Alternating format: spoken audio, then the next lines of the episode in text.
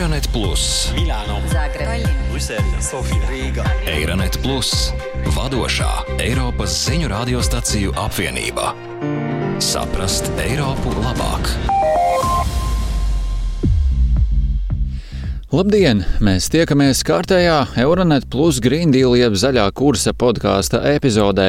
Šajā podkāstā kopā ar kolēģiem no Eiropas aplūkojam to, kā mēs, Eiropieši, varam ietekmēt tā dēvēto zaļo pāreju, ko Eiropas Savienība ir uzsākusi.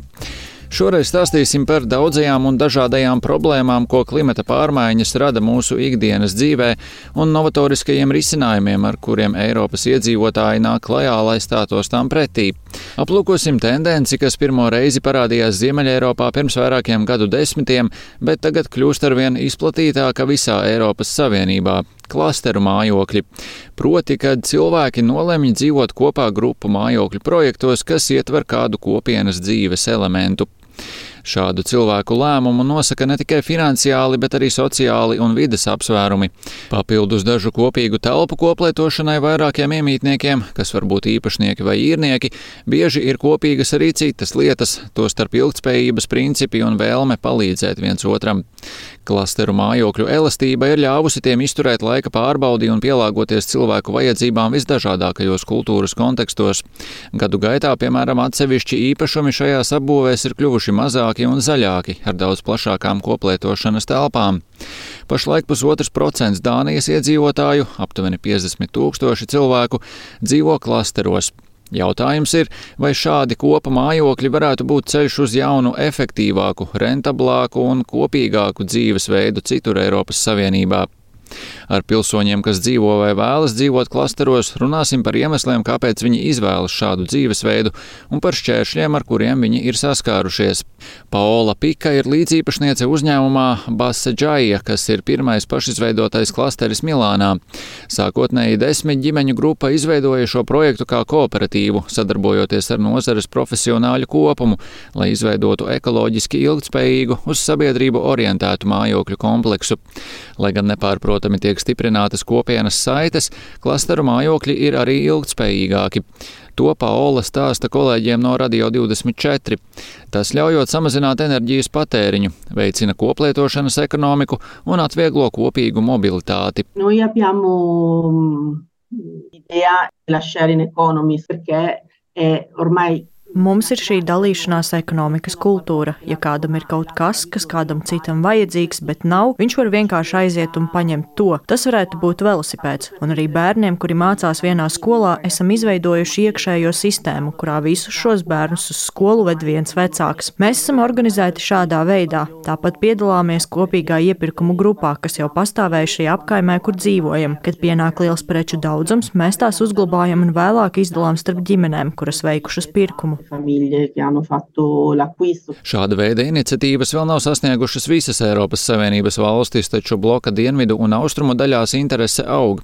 Piemēram, Polijā, jo Anna Kadžiolka no Polijas Zero Waste asociācijas stāsta kolēģiem no Polskie radio par dažām šādu schēmu priekšrocībām. To jest naprawdę bardzo ciekawe rozwiązanie, które y, istnieje już. Polijā tas ir kaut kas tāds, kas tikai sāk attīstīties, jo ir organizācijas vai arhitektūras uzņēmumi, kas cenšas izveidot šādas telpas. Taču, protams, ideja par klastera mājokļiem radās uz neapmierinātības viļņa ar tirgū piedāvātajiem mājokļiem. Un kopu mājokļi ļauj mums dzīvot, kā mums patīk, izveidot kopējo telpu tā, kā mēs to vēlamies. Lai tā ir jauka tikšanās vieta, kurā varam kopā gatavot un ēst maltītes. Kaut kur mums var būt dārzs, kur mēs paši varam audzēt produktus, ko ēdīsim. Tātad šāda veida investīcijas dod mums no vienas puses iespēju atjaunot sociālās saites, būt mazāk anonīmiem, no otras puses tas ir arī liels pluss videi. Ja investēsim lielākā vienībā ar koplietošanas telpām, tad mazāk tērēsim būvmateriāliem. Un, ja mēs paši audzējam pārtiku, ir skaidrs, ka tā ir vietēja. Tomēr projektu novatoriskā rakstura dēļ tie saskaras ar vairākiem šķēršļiem. Viens no tiem ir finansējums. Maša Havlina no Slovenijas dzīvojamo māju kooperatīva skaidro, ka arī Ljubljanā plānošanas stadijā ir kopienas dzīvošanas projekts, taču šobrīd tas ir atdūries ķieģeļu sienā, jo trūkst atbalsta gan finansiāla, gan administratīva.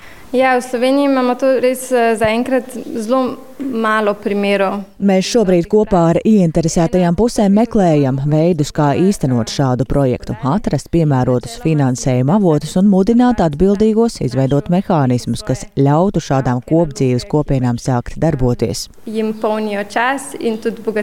Portugāļu arhitekte Sara Brīša, kas veic izpēti par kopienas mājokļu projektiem, šo jautājumu apsprieda intervijā ar kolēģiem no Radio Renaissance. Joprojām trūkst kredītu, un es šeit nerunāju tikai par Portugāli, tā ir visā Eiropā. Burtiski trūkst kredītu. Citiem vārdiem sakot, bankām trūkst uzticības saistībā ar šīm grupām, jo tas tiek uztverts kā kaut kas ar lielāku risku, kaut kas netradicionāls, un viss netradicionālais viņus nedaudz biedē. Bet jau ir arī dažas ētikas bankas, piemēram, Spānijā, kas ir finansējušas lielu daļu šādu projektu, un Vācijā ir tās sauktās zaļās bankas, kas pamatā mudina pat piešķir prioritāti tādu projektu finansēšanai, kuru galvenie principi ir ilgtspējīga, ekoloģiska būvniecība un kopienas dzīve. Briša arī mudina Eiropas Savienību atjaunināt dažus noteikumus un standartus, lai veicinātu un vienkāršotu šādas iniciatīvas. Tomēr amatpersonas šķiet ir mazliet apmaldījušās, risinot šādas iniciatīvas. Tā skaidro Paola Pika no Milānas. Noi di fatto non abbiamo per un certo verso inventato niente di nuovo, cioè nel senso che io ricordo Līgumos, ko pašvaldība parasti slēdz ar būvfirmām, šādas mājas nav iekļautas. Milānas pašvaldībai, tāpat kā jebkurai citai pašvaldībai, ir noslēgti līgumi par mājas celtniecību, skolas celtniecību, slimnīcas celtniecību un tā tālāk, taču kopienas mājokļu jēdziens viņiem bija pilnīgi jauns. Jau esošā līguma par mājas celtniecību pielāgošana mūsu konkrētajai realitātei saskārās ar lielu birokrātiju. Mēs noteikti zaudējām gadu, varbūt pat vairāk, lai tikai tiktu galā ar visiem dažādajiem departamentiem.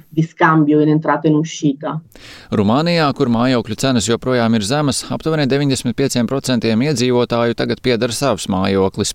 Taču tie, kam ir īpaši ierobežots budžets, piemēram, studenti, visticamāk izvēlēsies kādu kopīgu mājokļu schēmu. Arī tad, ja tas būs tikai uz noteiktu laiku. Emīlija ir Bukarestas ekonomikas studiju akadēmijas studente. Viņa sāka studijas 2020. gadā tieši pandēmijas vidū. Pirmo gadu viņa noslēdza tiešsaistē. Otrajā kursā viņa kopā ar diviem kursa biedriem īrēja dzīvokli. Kolēģi no Radio Rumānija viņai jautāja, vai viņas lēmumā lomu spēlēja nauda. Sigur, da, altele motive pentru care am ales. Jā, protams, tas ir viens no iemesliem, kāpēc es izvēlējos palikt pie drauga. Kā jau studentam, naudas trūkst, tāpēc izmaksu samazināšana ir viens no galvenajiem iemesliem, kāpēc students izvēlas kaut ko dalīt ar kādu citu. Un cenas studentu pilsētiņā var būt daudz zemākas nekā īres maksa. Izmaksu dalīšana ar citiem cilvēkiem ir ļoti laba iespēja, taču dalīšanās arī rada atšķirīgu atmosfēru. Tomēr mājokļu koplietošana vai dzīvošana kopienu mājokļos būtu jāskata arī mainīgas dzīves filozofijas kontekstā, ko lielā mērā veicina pandēmija. Tā kā arvien vairāk cilvēku tagad strādā no mājām, daudz funkcionālas koplietošanas dzīvojamās telpas var būt ceļš uz priekšu. Tajā pašā laikā pandēmija ir mudinājusi mūsdienu jauniešus pie tā, ka viņiem ir jādzīvo pilnvērtīgi, cik ilgi viņi to var. Tieši tāpēc lietuviešu studente Vidmanta Kruškinskaite uzskata, ka mājokļu īpašumtiesības šajā spirālveida mājokļu cenu laikmetā ir ne tikai mazāk reālas jaunajai paudzei, bet arī mazāk vilinošas.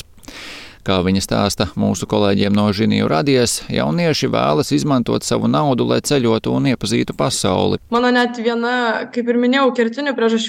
Viens no galvenajiem iemesliem, kāpēc es tik ilgi paliku kopmītnēs, ilgāk nekā gribēju vai varēju, ir vienkārši tāpēc, ka man patīk ceļot.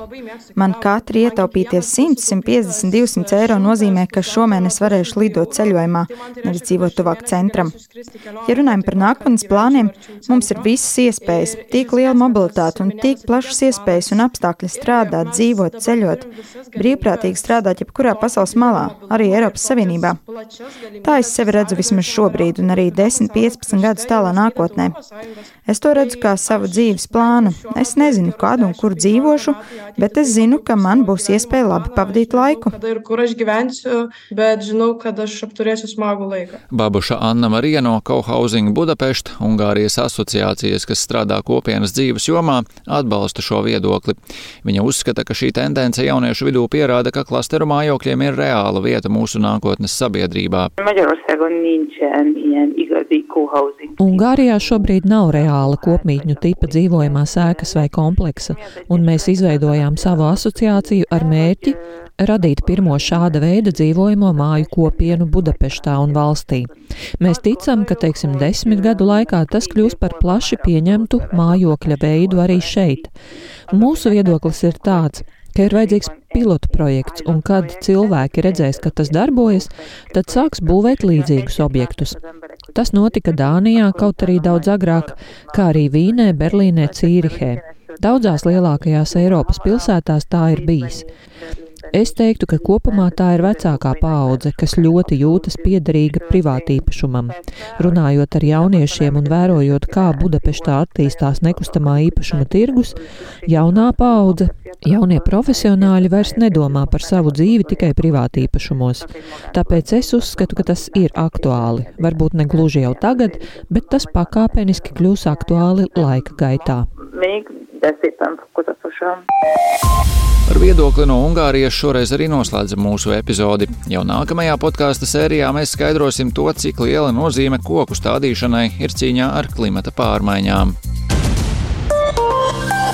Eironet Plus, Milāno, Zagreba, Brisele, Sofija, Rīga. Eironet Plus, vadošā Eiropas ziņu radiostaciju apvienība. Saprast Eiropu labāk!